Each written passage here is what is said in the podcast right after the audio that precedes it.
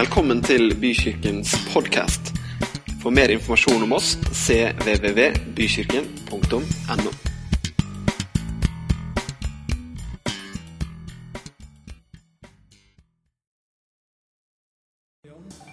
Takk for at du har gitt oss ditt ord, Herre, som gjør at vi kan bli forma til å ligne litt mer på deg. Og jeg ber om at du skal være sammen med oss, som du har lova, denne formiddagen videre. Og forme oss litt til på innsida. Det ber vi om, Herre. I Jesu navn. Amen. Vær så god, sitt.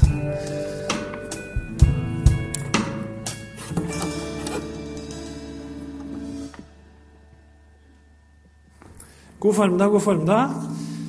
Her er det Her er vi i ekkokammeret, som det så fint heter om dagen. Jeg skal begynne med en gang å lese en tekst som skal være utgangspunktet mitt for det jeg skal snakke litt om i dag. Og det er fra første Korinterbrev, kapittel 13 eh, og vers 9 til 12.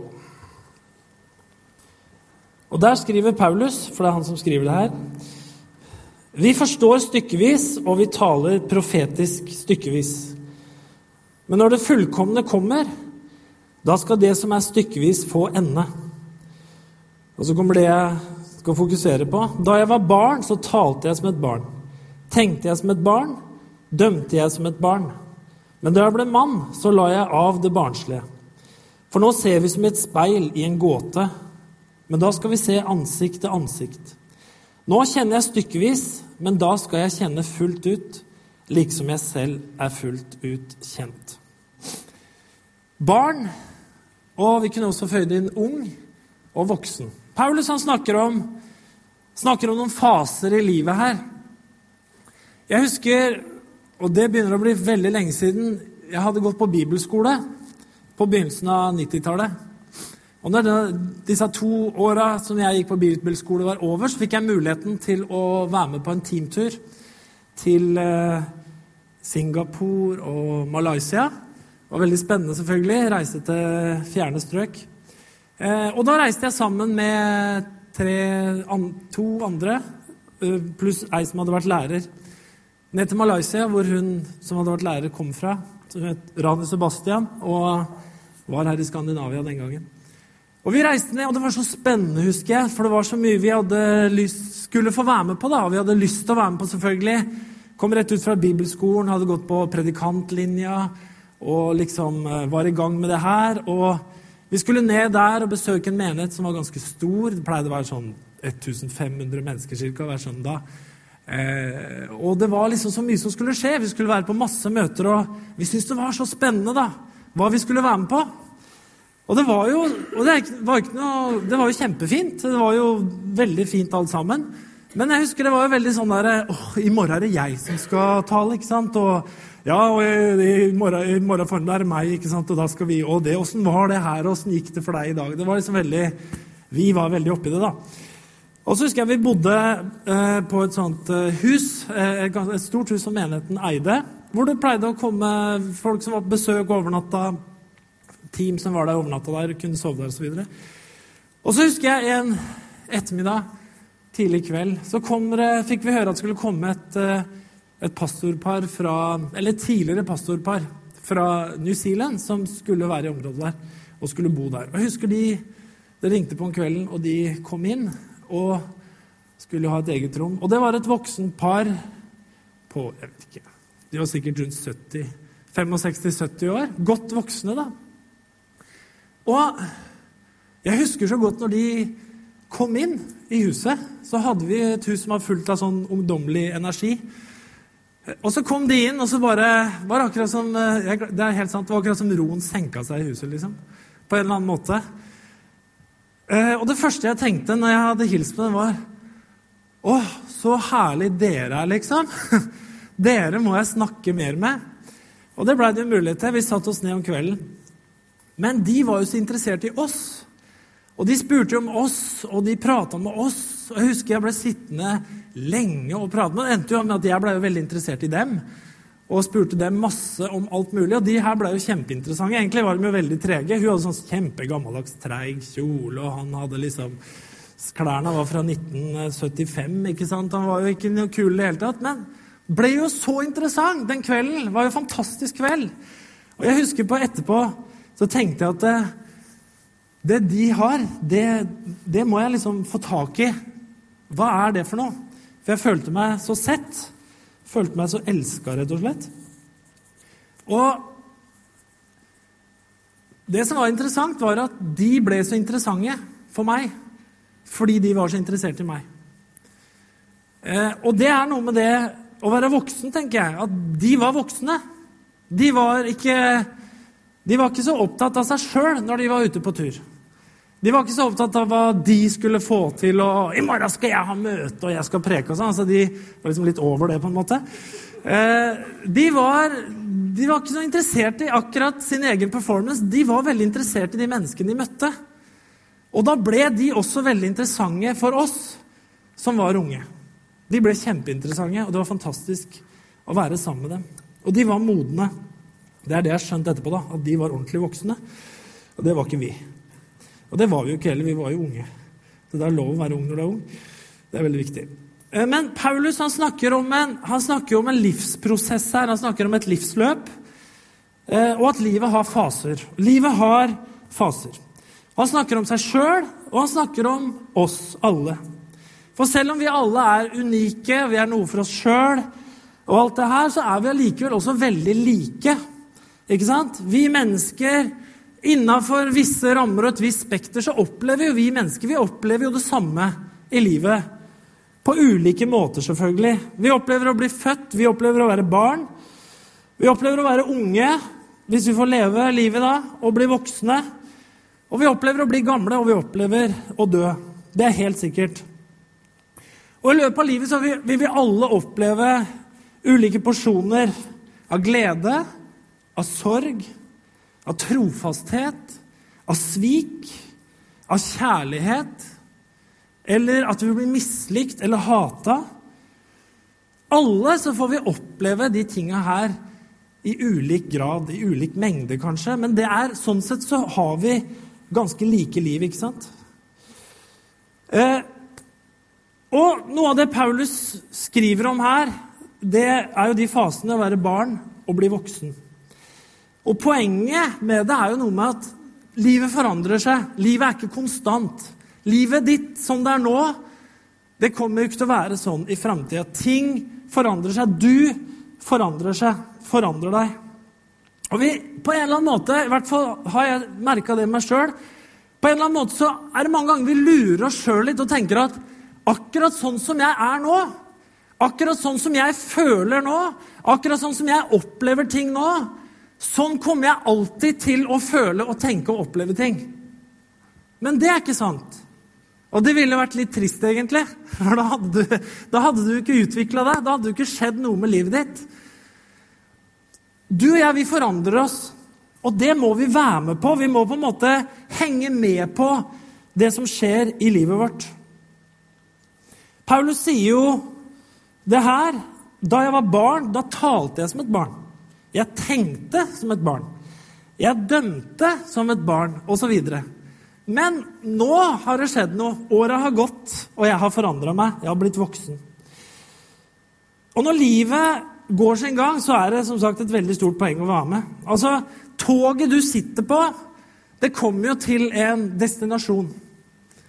Et eller annet sted så stopper det toget. Og da gjelder det Når neste tog kommer inn på perrongen da, så må du liksom være med. Da må du komme deg på neste. ikke sant? Du må ikke bli stående igjen aleine på perrongen der og lurte på hva var det som egentlig hva var det som egentlig skjedde. Noen kommer til liksom stasjon Oslo, hvor det er eh, alle muligheter til å reise nord, syd, øst og vest. Mens noen kommer kanskje til Voss. Jeg har vært på Voss. Det er fint på Voss, altså. Det er råfint. Men når du er i Voss, da, bare, da kan du liksom bare reise én av to veier. Du kan reise mot Bergen, eller du kan reise tilbake dit du kommer fra. Og Hvis du reiser til Bergen, så er det en endestasjon. Og Det er en fantastisk flott endestasjon. Men eh, du må henge med. Når Paulus skriver om barndom, ungdom og det å bli voksen, så tror jeg det handler om både hans og vår åndelige utvikling i forhold til Gud, men også i vårt forhold til verden rundt oss og mennesker rundt oss. Jeg tror ikke det går an å skille fra hverandre. Når noen leser teksten her, så tenker de bare på gudsforholdet sitt. Men det, det blir sånn selvmotsigelse i det. For når Jesus kom, så ble Jesus sant menneske. Og det er det Gud vil med oss òg, at vi skal bli sanne mennesker. At vi skal bli de menneskene Gud ville at vi skulle være, i hans bilde. Så det handler ikke bare om vårt forhold, vårt forhold, til Gud, men det handler også om vårt forhold til våre medmennesker, ikke sant? Og Derfor så er det sånn at uh, hele hensikten med at det skal skje noe med oss, er å ligne mer på Jesus. Ok? Og Derfor så sier Jesus det i Lukas 10, 27, at det forholdet vi har med Gud, det må også avspeile seg i det forholdet vi har til andre mennesker. ikke sant? Jesus svarte og sa, 'Du skal elske Herren din Gud av hele ditt hjerte, av hele din sjel, av all din kraft og all din forstand, og din neste som deg selv.' Ikke sant? Hvis vi elsker Gud mye, så må det også speile seg at vi elsker mennesker mye. Det er en sånn dobbelthet til det. Det kalles et dobbelte kjærlighetsbud. ikke sant? Vi elsker Gud, og vi elsker mennesker. Det her henger sammen. Det henger nøye sammen. Og Derfor så samstemmer det med teksten som er kobla videre til det Paulus skriver her i, i første Korinterne, om barndom, ungdom og det å være voksen. Så sier han det at eh, vi ser et speil, vi ser en gåte, men da skal vi se ansikt til ansikt. Nå snakker han i framtida, når vi skal en dag se ansikt til ansikt. Nå kjenner jeg stykkevis, men da skal jeg kjenne fullt ut, på samme måte som jeg selv er fullt ut kjent. Men nå blir disse tre stående tro, håp og kjærlighet, og størst av dem er kjærligheten. Ikke sant? Så det handler om det her, at det å bli voksen, det handler om tro, håp og kjærlighet. Og kjærlighet er det beste. Ikke sant? Og når vi ser Gud, da skal vi bli fullendt i det. Men det kommer vi ikke til å oppleve her i livet, men vi vil ha så mye av det som mulig. Og Paulus skriver jo et kapittel før, selvfølgelig. Kapittel 13 så er kapittel 12, hvor han skriver om de åndelige nådegavene. Og Når han skriver om de åndelige nådegavene, så snakker han om hvilke gaver vi eventuelt måtte ha. Og det å oppdage de åndelige nådegavene våre og det å bruke dem, og hvordan vi skal bruke dem osv. Og, så og så sier han det her er veldig bra at dere lever i de åndelige nådegavene og får de åndelige nådegavene i livet deres. Men jeg skal vise dere en vei som er enda bedre, sier han. Og det er tro, håp og kjærlighet. For det aller største, det er kjærligheten. Det er større enn nådegaver osv. Og, og han sier jo at eh, om jeg har all, alle nådegaver i hele verden, ikke sant, og jeg kan gjøre alt fantastisk gjennom de, men ikke av kjærlighet, så betyr det jo egentlig ingenting. Da er en klingende malm en lydende bjelle. ikke sant? Altså det, det, det, holder ikke. Det Gud til slutt er ute etter, tror jeg tro, håp og kjærlighet. Og jeg tenker også på en måte at disse fasene i livet, barn, ung og voksen, kanskje kan henge seg litt på det her med barn. Tida da vi tror Ungdommen når vi håper, og det voksne når vi har blitt modne og faktisk elsker. Og egoisten i oss er sånn noenlunde død. Henger du med? Barn. Da jeg var barn, så talte jeg som et barn, tenkte jeg som et barn, dømte jeg som et barn. Tenk, Når vi blir født inn i denne verden her, Jo mer jeg tenker på det, jo mer skremmende er det. altså. Å bli født. Herlighet.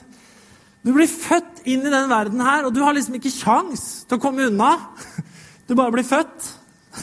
Og så får du tildelt foreldre. Eller de har fått tildelt deg, men i hvert fall du, jeg ja, Mine sitter jo her. Jeg har vært kjempefornøyd med dere. Fantastisk. Så det er helt fantastisk. Men altså, vi får jo ikke velge foreldrene våre. Hvem veit hvem de er, egentlig, og hva de har holdt på med gjennom livet? Hvilke forutsetninger har de for å ta vare på, på oss når vi blei født? Og så har vi onkler og tanter og besteforeldre og alt mulig. Hvem veit hvem de er, egentlig? Hvilke forutsetninger har de for å ta vare på oss når vi vokser opp? Og så har vi født inn i et eller annet samfunn, et land. Vi blei født her i Norge. Og folk sier det er som å vinne i Lotto ti ganger, og det er vel sant? Andre blir jo født i dag i Syria. Andre steder hvor det er krig. Hvor det ikke er noen ting, hvor alt er ødelagt. Og i den verden så blir vi født inn i. Og når vi er barn, så er vi jo så prisgitt våre omstendigheter at det er helt skremmende. Og som barn så er det sånn at vi får vi får relasjonene våre til alt vi møter. Det får vi stort sett gjennom andre. Hva de forteller oss, er rett og galt. Hva de forteller oss, er farlig. Hva de forteller oss som er trygt, osv. Og, så og det gjør vi jo med barna våre. Vi oppdrar dem. Altså, det skal vi gjøre. ikke sant? Vi oppdrar dem og sier at 'nei, det må du ikke gjøre'. Det er ikke bra. Eller det må du ikke se på. ikke sant? Det, det er ikke lurt. og det, det, må du holde deg unna. Eller det her må du satse på. Dette må du gjøre. Dette er fine ting. ikke sant? Når vi er barn, så blir vi jo Vi ser verden gjennom våre foreldres øyne. Vi ser verden gjennom våre venners øyne. Vi ser verden gjennom det, den tida som vi lever i, den tida vi vokser opp i. Vi ser ting gjennom andres øyne. Andre tolker livet for oss i veldig, veldig stor grad. Og det handler om å være barn, og sånn må det være. Men selv om vi får servert rett og galt, godt og dårlig, ja eller nei fra de voksne, så er ikke det nok. Vi må jo sjøl oppdage en gang i livet hva de orda betyr. Hva er det som lå bak det nei-et? Hva er det som ligger bak det ja-et? Hva er det som ligger bak den anbefalingen? Og så videre og så videre. Og Det er helt naturlig at vi i starten av livet lar andre tolke livet for oss. Jeg husker når jeg begynte på skolen var jo, som sagt, Jeg, jeg er jo gammel nå etter hvert, 50 år. Så det er lenge siden jeg gikk på skolen. begynte på skolen. Vi hadde orgel i klasserommet, husker jeg. Sånn uh, trådorgel. Uh, kristendom hadde vi på skolen òg. Og fru, det var fru faktisk som hadde kristendommen. Fru Sørum, tror jeg hun het. Hun sang salmer med oss med sånn skinger, klassisk skingrende stemme. På morgen, hadde morgendagen lagt av morgenbønn osv. Ja, dette var den offentlige skolen, altså. Eh, og trodde på engler og Jesus og Bibel og hele pakka. Det var kristendomslærerinna vår. Mens klasseforstanderen vår, da, kontaktlæreren som det heter nå, Bjørshol han var eh, mer sånn radikal 68 og ateist. Han trodde ikke på Gud og engler og Jesus. Han trodde ikke på noen ting. Det var liksom sånn strid i klasserommet. Skal vi tro på Bjørshol eller fru Sørum? ikke sant?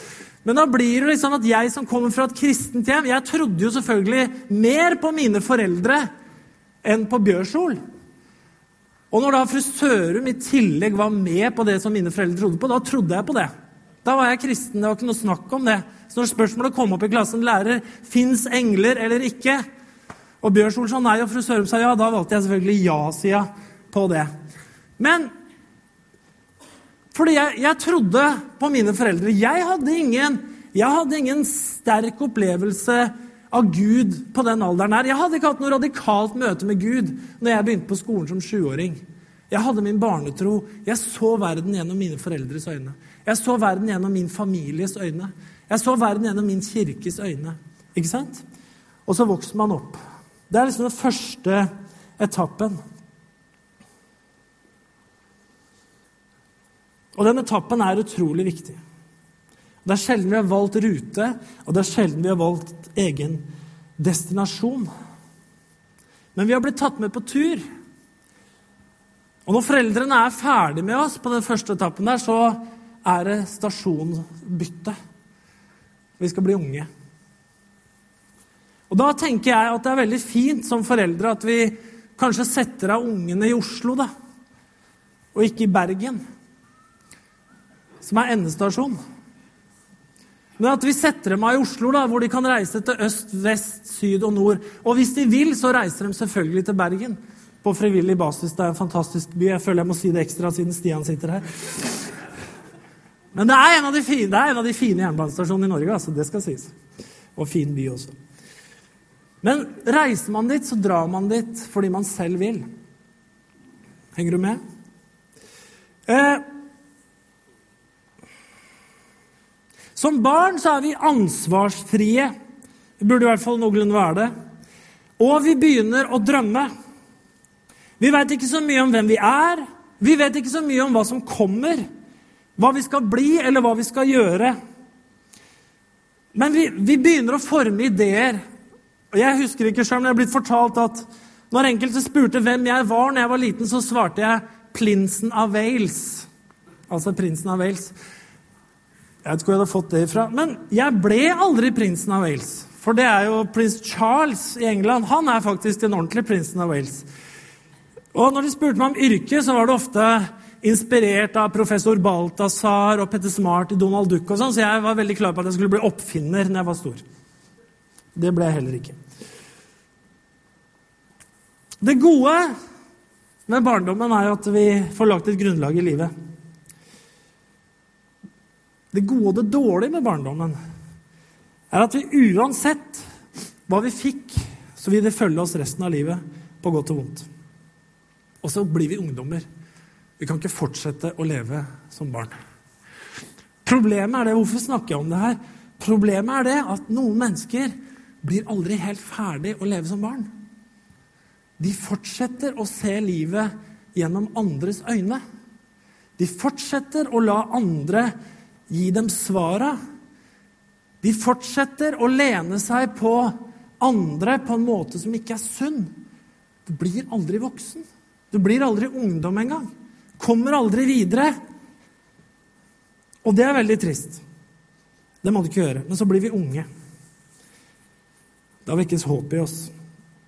1. Johannes 2,1, andre del av verset, så skriver Johannes Jeg skriver til dere unge fordi dere har seiret over den onde.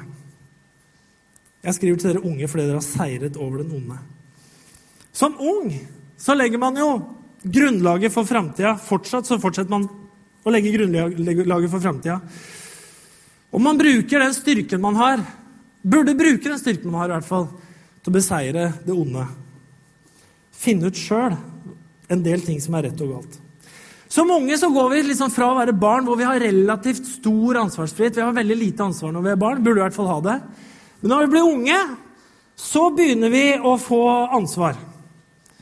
Eh, selv om det er en tid hvor eh, folk Man kjenner sikkert forskjellig, men i hvert fall når jeg var ung, så kjente jeg jo at livet var nærmest uendelig foran. ikke sant? Det er var en, et hav av tid. Altså, Tid var ikke noe greie. Sommerferiene var fortsatt sinnssykt lange, føltes det som. Ikke sant? Ikke sånn som nå, når de er forbi med en gang. Og, og livet liksom, det bare var foran der. Det var en sånn svært hav hvor du kunne bare dra ut hvor som helst. Omtrent. Det var alle muligheter. All mulig tid. Og du er, du er, ganske mye resultat av hvilket valg andre har tatt for deg fram til da. Men når ungdomstida begynner, så begynner du å oppdage ting sjøl. Du begynner å ta inn ting sjøl. Og øynene til foreldrene dine, øynene til familien din, øynene til, til kameratene dine, til klassen din, til læreren Alt det her, de øynene begynner å komme mer i bakgrunn, og du begynner å se sjøl. Du begynner å lese sjøl. Du begynner å kikke, du begynner å kjenne, du begynner å mene ting. Du begynner å dra slutninger og konklusjoner, og du begynner å tenke større tanker og sette sammen til liksom din verdens måte å se verden på. Og verden er liksom en, et sted full av uoppdaga hemmeligheter. Og du har ikke helt ansvar for livet ditt sjøl ennå. Du veit at hvis du dummer deg ut, da Du veit at hvis eh, du gjør noe dumt i den leiligheten du leier og blir kastet, så vet du at du kan flytte hjem til mamma og pappa. Fortsatt, Det går fortsatt bra. Du vet at om du er så uheldig å bruke opp alle pengene dine, og det er helt tomt, og du har ikke mat så kan du fortsatt ta den telefonen hjem, ikke sant? og det, går, det ordner seg. Det kommer penger ikke sant? fra den der kilden som har vært der hele tida. Det er fullt mulig å gjøre feil og fortsatt bli redda når du er ung. Det er kanskje tida da du prøver forskjellige ting. Kanskje du Selvfølgelig Noen av dere har bare hatt én kjæreste og gifta seg med en gang. men altså, Det hender jo at man da har flere kjærester, kanskje én av gangen. Men altså, du har flere kjærester gjennom ungdomstida. Du har ulike hobbyer, du vanker i ulike miljøer. Du prøver kanskje ulike skoler. Du treffer med en gang, eller du bommer litt, du bytter skole. Du har fortsatt en del retrettmuligheter når du er ung. Hvor ofte søker vi det som er spennende. ikke sant? Det som oh, det her, det her virka spennende, det går jeg for. Vi er impulsive, kanskje. Og vi, er, vi gjør oss erfaringer som unge. Og vi går kanskje mange ganger mer ut fra impulser og følelser enn ut fra sånn ren fornuft. Og foreldres fornuft i den tida kan være en pest og en plage. Å, herlighet, de skjønner jo ingenting! Særlig hvis de forteller at uh, 'dette vet vi bedre enn deg'. Da er det i hvert fall provoserende å høre på dem. Men ungdomstid er også tida da vi begynner å oppdage våre muligheter og talenter. Men også litt ansvar. Det er ikke bare hva foreldrene dine sier, som lenger bestemmer hvordan livet ditt ser ut. Det du tar ansvar for eller ikke tar ansvar for, det begynner å få effekt på livet ditt når du er ung. Og forhåpentligvis så begynner du også å oppdage at du har begrensninger. Jeg tror veldig klart når jeg kom i ungdomstida, at jeg hadde oppdaga det hadde jeg, kan jeg si med sikkerhet, at jeg ikke var prinsen av Wales. Og jeg hadde også oppdaga at det å bli dette diffuse begrepet oppfinner, type Petter Smart eller professor Balthazar, det var heller ikke innafor realismen. Og vi oppdager at vi har noen begrensninger. Ikke så mange begrensninger, men litt. Det begynner vi å oppdage. Kirkegård, Søren Kirkegård, han sa det sånn her Vi må erkjenne at vi er bundet til jorden og åndsvesener på samme tid. Han, Søren Kirkegård var teolog og filosof. Vi er bundet til jorden og åndsvesenet på samme tid, og derfor må vi leve med evighetens perspektiv for øyet, med føttene godt planta i det konkrete hverdagen. Dette er vanskelig å få til i praksis, og derfor må vi erkjenne at vi trenger hjelp, at vi mangler noe. Og det her, vet du, med det åndelige livet vårt også Det også er fantastisk når man er ung på en annen måte enn når man var barn. For det er sånne enorme muligheter. Og håpet blir så stort for framtida. Alt er mulig, og det er helt fantastisk. Og sånn tror jeg det også skal være. Men noen mennesker de kommer aldri helt forbi ungdomstida. Tida som skal være en overgang fra å være barn til å bli voksen. Hvor du bærer et sånt endelig ansvar. Og det kan være at du vokste opp under veldig autoritære forhold, hvor det ikke var rom for å stille spørsmål hvor du ikke har rom for å undre seg. Og der hvor svarene du fikk som barn, ikke liksom står som sånne fyrlykter som leder deg ut av farlig farvann hvor det er masse skjær og sånn, men som står der som gjerder, som bare har boksa deg inn, ikke sant? Og du kommer ikke videre. Så håpet er kanskje veldig svakt. Du føler deg begrensa allerede som ung. Eller man vokste opp under forhold der foreldrene elska seg sjøl mer enn de elska deg. Hvor de elska seg selv, sitt eget opplegg, mer enn de elska sine barn. Der man som barn skjønte at man ikke var så veldig viktig fordi at foreldrene prioriterte annerledes. Da man forsto at man ikke hadde noe viktig å bidra med. Der voksne prioriterte seg sjøl foran deg. Der de som egentlig skulle gi deg noe, kanskje mer brukte deg til noe. Til å fylle opp en lengsel i livet sitt. Eller noe annet så forblir man ungdom, da. For ungdommen søker, man prøver det ene og man prøver det andre til man liksom finner en vei, har gjort seg nok erfaringer til å finne en vei. For at dette skal jeg faktisk bli. Det her, det er jeg ikke, men det her, det er jeg. Det her, det er, det, det er feil for meg. Det her er riktig for meg. Så velger man. Man har gjort noen erfaringer, ikke sant? I kristenliv også. Man gjør seg erfaringer. Når jeg var tolv år, så gjorde jeg min første erfaring med Gud. Da hadde jeg min første konkrete erfaring hvor jeg sa dette er min opplevelse. Og så døpte jeg meg. For da hadde jeg opplevd noe som var mitt. Det, ble noe jeg, det var min erfaring. Det var noe jeg opplevde, det var noe jeg gikk videre med. Og så blei det en kurs som jeg fikk holde gjennom livet. Men da er det det her med å være ungdom, da, med å prøve. Kanskje man hadde en kjæreste for meg. Det her var jo ingenting. Jeg slår opp. ikke sant? Vi har vært sammen i tre uker. Det funka ikke. Det her er ikke den jeg skal satse på. Vi var sammen med en annen, kanskje. ikke sant? Det var ikke det heller. Men så finner man da. Så finner man den. Og så satser man på det, så tar man ansvar, så lever man. Men hvis man ikke blir ferdig med å være ungdom, da Og du skal liksom ha den der redningsgreia bak der hele tida Så blir det den her flakkinga hele livet. Man prøver det ene, man prøver det andre. Man flytter seg hit, man flytter seg dit. Man bytter ut det, man bytter ut da. Man holder på, man blir aldri ferdig å være ung. Og man blir på en eller annen måte alltid avhengig av at andre kommer og redder en på en eller annen måte hele tida. Så blir man aldri voksen. Det er fantastisk å være ung, men ikke hele livet.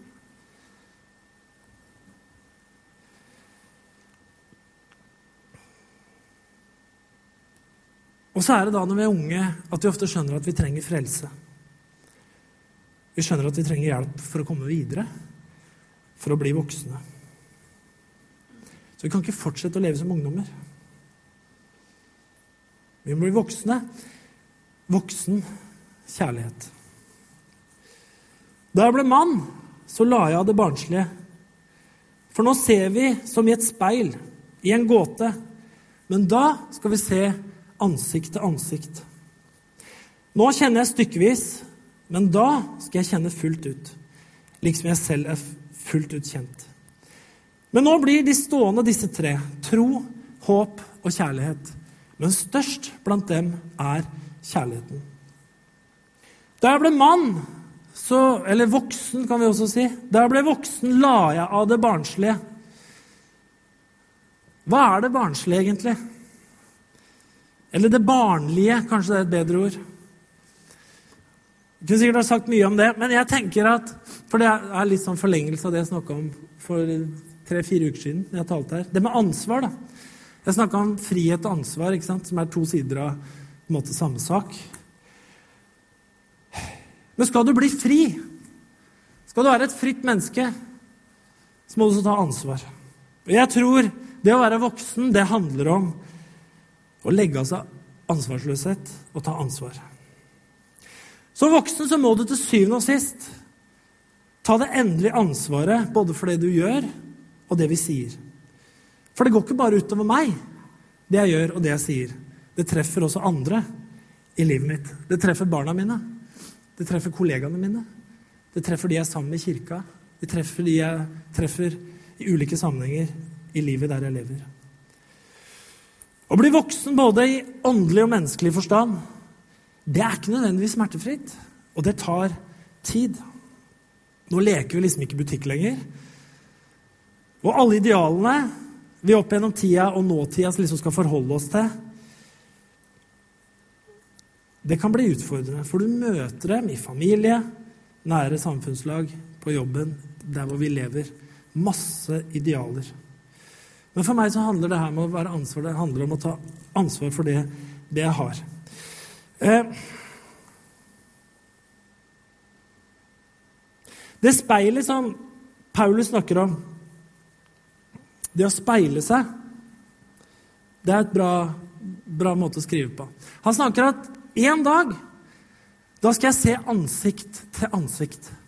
Altså skal jeg, Når vi kommer over på den andre sida, så skal vi da skal vi få se Han som han er. Da skal vi få se Jesus som han er. Og da skal vi bli forvandla til å bli han lik.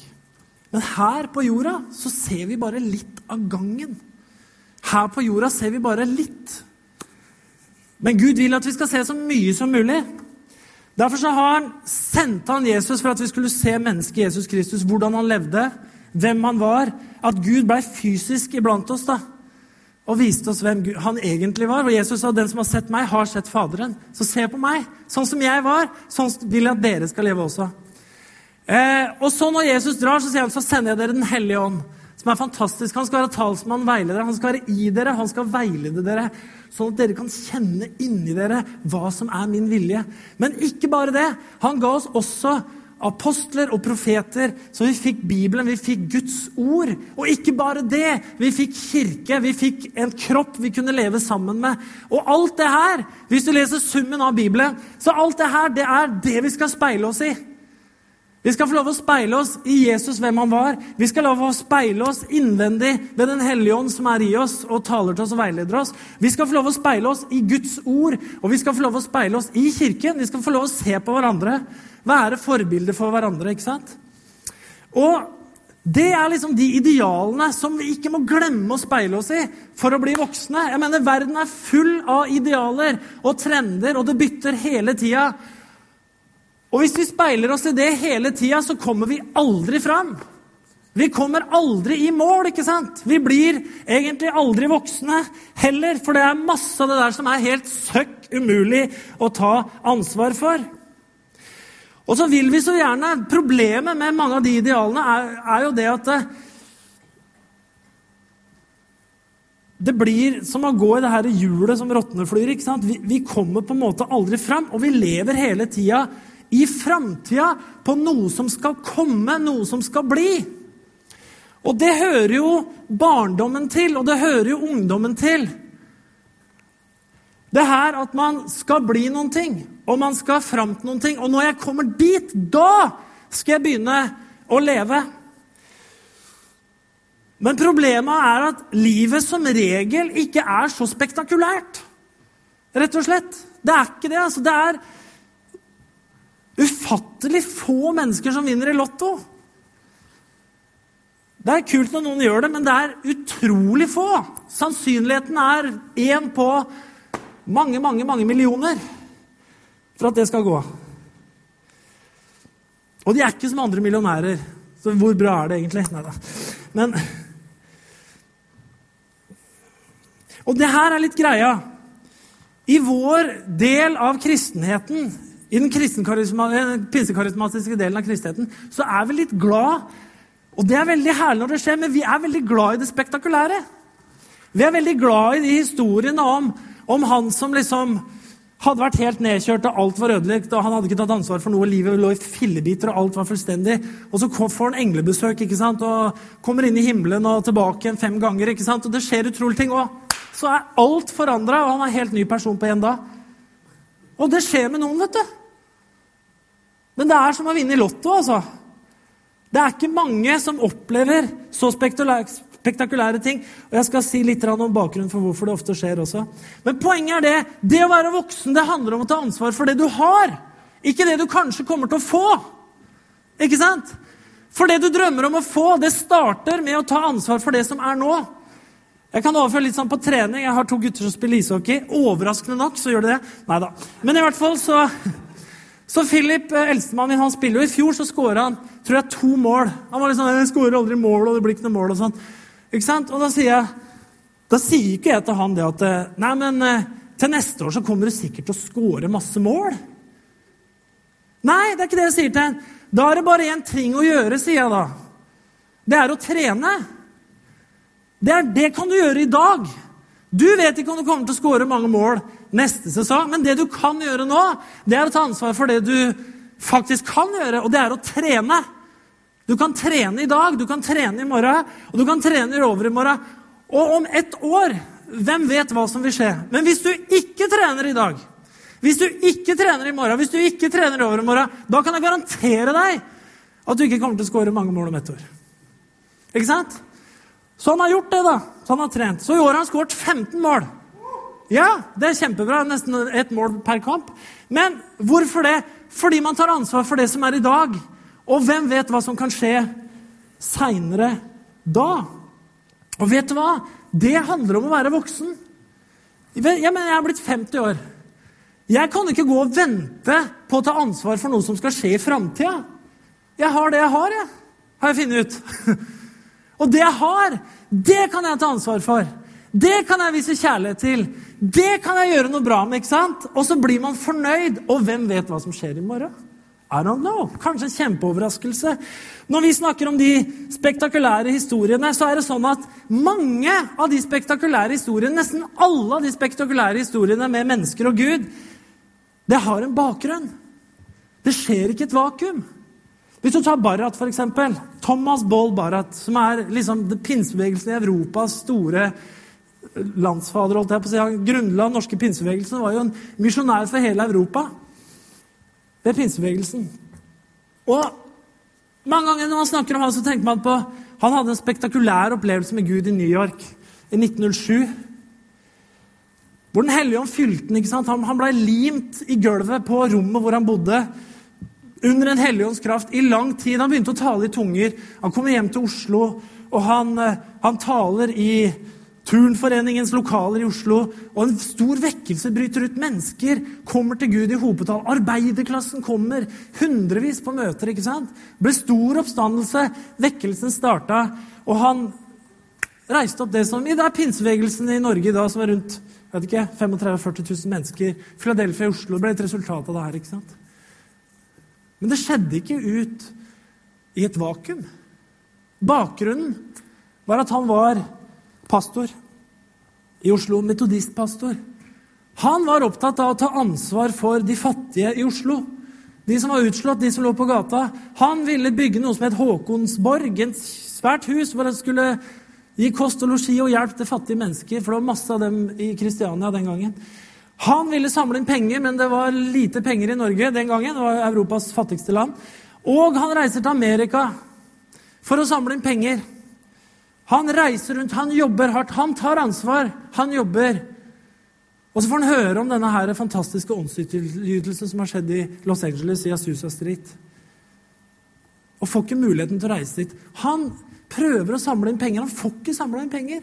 Han er mislykka. Han sitter i New York og har ingenting å vise til. Han er vant til å ha suksess, han er vant til å få til ting. Han har ikke fått til nesten noen ting. Han er ganske tomhendt, han har ingenting å komme hjem med.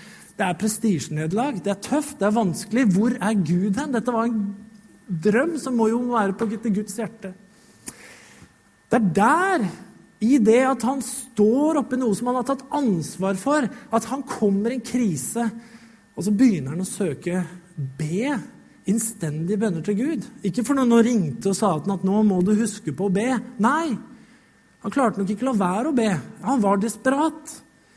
Og i det så kommer Gud til Thomas Boll Barrat og møter han. Og det ble livsforvandlende for han og for så mange tusen mennesker ut ifra det. Det var en dramatisk forandring. Men det skjedde ikke i et vakuum. Det skjedde ut fra en mann som ville gjøre noe for Gud, som tok ansvar for det han hadde. Og når han tok ansvar for det han hadde, og selv om han mislyktes, så kommer Gud og møter den. Amen. Og det er noe av det det handler om å være voksen.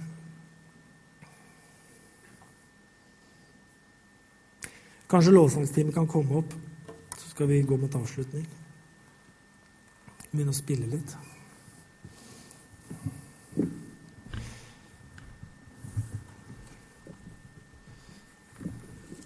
Jeg tenkte litt på på den teksten her. Tilbake til den.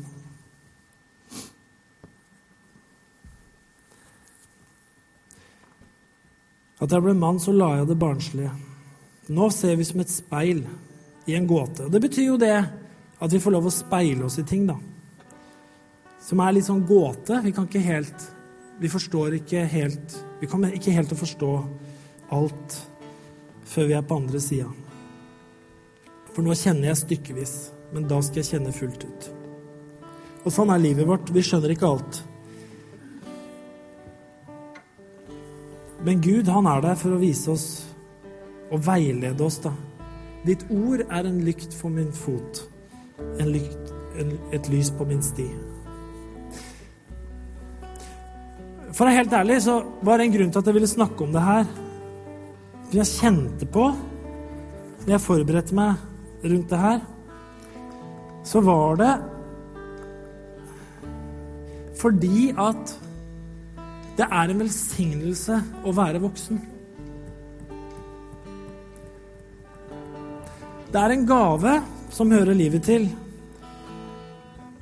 og håpe som vi aldri skal gi fra oss. Men å være barn, da, som jeg sa, det betyr at det er andres øyne som ser livet for deg. Det er andre som tolker livet for deg. Det er andre som bestemmer for deg litt hva som er rett og galt. Det er en tid som må gå over. Så blir vi unge, hvor vi får lov å prøve ut. Og vi er på leit litt. Vi må finne liksom oss sjøl, vi må finne kursen vår. Fortsatt så hører vi og det skal vi kanskje alltid gjøre når de er gode, men vi hører jo stemmene, vi bruker øynene til andre i veldig stor grad. da. Paulus var et eksempel på det her. Jeg mener, Han hadde vokst opp i en jødisk tradisjon. Han hadde gått gjennom hele den jødiske kalenderen. Han hadde blitt fostra ved Gamaliels føtter. Han hadde fått hele den jødiske oppdragelsen. Han hadde andres, var andres øyne, andre tradisjoner han brukte. ikke sant, De jødiske tradisjonene. Så for Jesus å få tak i Paulus, det var jo utrolig vanskelig. ikke sant? Det, holdt ikke med et vitnesbyrd fra en som liksom hadde møtt Jesus. Det, ikke, det, hadde han hørt masse av, det trodde han ikke noe på. Han drepte det, folk for det. ikke sant? Så for å få omvendt Paulus så måtte Jesus gjøre noe helt spektakulært. rett og slett. Han måtte komme til en sjøl, slå ned hesten, gjøre en blind. ikke sant? Kjempedramatisk. Ellers hadde han ikke hatt kjangs til å omvende Paulus. Men Paulus blei omvendt. ikke sant? Og han blei voksen. Og han fant ut hvem han var. Og det er fantastisk. Og Derfor er det også noe med det her at du òg må tørre det. Å bli voksen. Du må også tørre å stå for ditt eget liv. Ikke sant? Du kan også ha bakgrunn og ting i livet ditt hvor det er andres stemmer og andres øyne og andres ører og andres verdier som henger rundt deg som en klam hånd. Nå snakker jeg om det negative. Det kan være utrolig mye bra ting òg, ikke sant? Men det å stå på egne bein da, i livet ditt, stå for den du er, lande, ikke sant, og bli tydelig og snakke sant, det er utrolig viktig. For det er mange ganger vi ikke gjør det når vi møter motstand. ikke sant? Vi møter andres verdier, vi møter andres øyne, vi møter andres blikk på ting. Så tør vi ikke å snakke sant om hva vi faktisk mener hva vi står for. Og så blir vi knuga, så blir vi ikke frie. Og vi trives ikke i det livet vi lever. Jeg kan helt ærlig si noen spør nå er det noe du mangler i livet ditt. Er det noe du føler du skulle hatt? Jeg kan si helt ærlig ingenting. Jeg savner ingenting. Jeg er fornøyd. Jeg er fornøyd. Jeg trenger ikke noe mer. Men jeg var ung, da, det var alltid noe der framme, og det hører jo selvfølgelig med. Men jeg er fornøyd med livet. Og jeg tror faktisk Gud vil at vi skal kunne si det. Jeg er fornøyd med livet mitt. Det jeg har nå, det er bra. Det er bra nok. Og jeg vil ta ansvar for det som er nå. Jeg vil leve det, det som er nå. Jeg vil elske det som er nå. Jeg vil elske de menneskene jeg har rundt meg nå, ikke de jeg treffer om fem år. Jeg vil elske den familien jeg har nå, ikke den familien jeg skal få seinere. Jeg vil være en bra kollega for de kollegaene jeg har nå, ikke den andre jobben som jeg kanskje får en gang om ti år. Jeg vil elske den kirka jeg er i nå, ikke den kirka som skal bli om fem år. Eller den kirka jeg kanskje flytter til om to år. Jeg vil elske det jeg har nå. Ikke sant? Det er det som handler om å være voksen. Da har du ansvaret, ikke sant? Det endelige ansvaret. Og så er du voksen, så er du ærlig. Og så snakker du sant. Og så blir du fri. Og så får vi hjelp av andre. Amen. Herre, jeg takker deg. Takker deg for at du At du lar oss har gitt oss mennesker det her livsløpet her med å være barn, med å bli ungdom, med å bli voksen, Herre.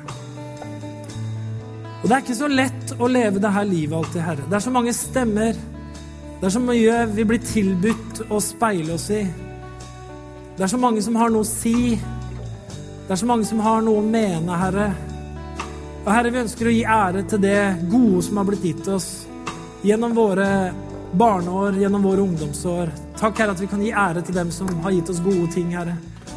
Som har satt oss på stasjoner hvor vi fikk lov å reise videre i den retningen vi kjente i vårt hjerte, Herre. Jeg takker deg for det, Jesus. Men Herre, så er vi også så er vi også der at vi ønsker å speile oss i deg, Herre. At vi kan finne vår identitet i deg. At vi kan bli voksne, Herre. Og speile oss der vi egentlig hører hjemme, hos deg. Du som er vår skaper, du som vet hvem vi egentlig er er laga til å være, Herre. Du som kjenner våre talenter bedre enn vi kjenner dem sjøl. Du som kjenner hva vi kan og hva vi ikke kan bedre enn vi skjønner sjøl, Herre.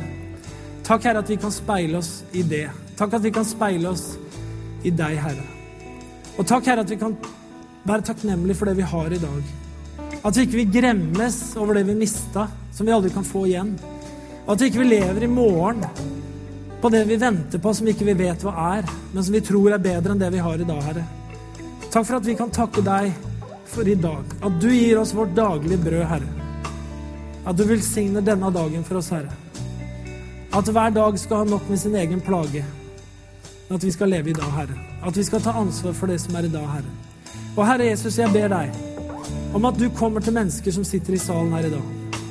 Som har kjent at det er andres øyne de har måttet se så mye gjennom.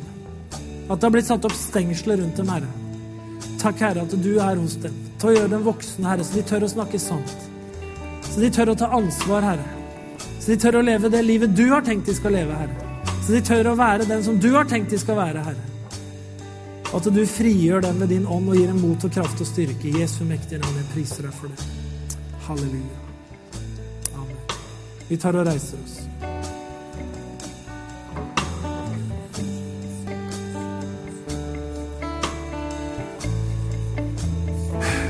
Det er ikke alle som pleier å gjøre det. Noen pleier å gjøre det. Men skal vi Det må ikke, da. Men skal vi ta og løfte hendene våre opp til Gud? Det er en sånn måte hvor vi liksom bare sier at vi åpner vårt hjerte, og vi strekker oss opp mot deg. Paulus sier jo det. Jeg vil løfte mine hender. Løfte rene hender opp til Herren.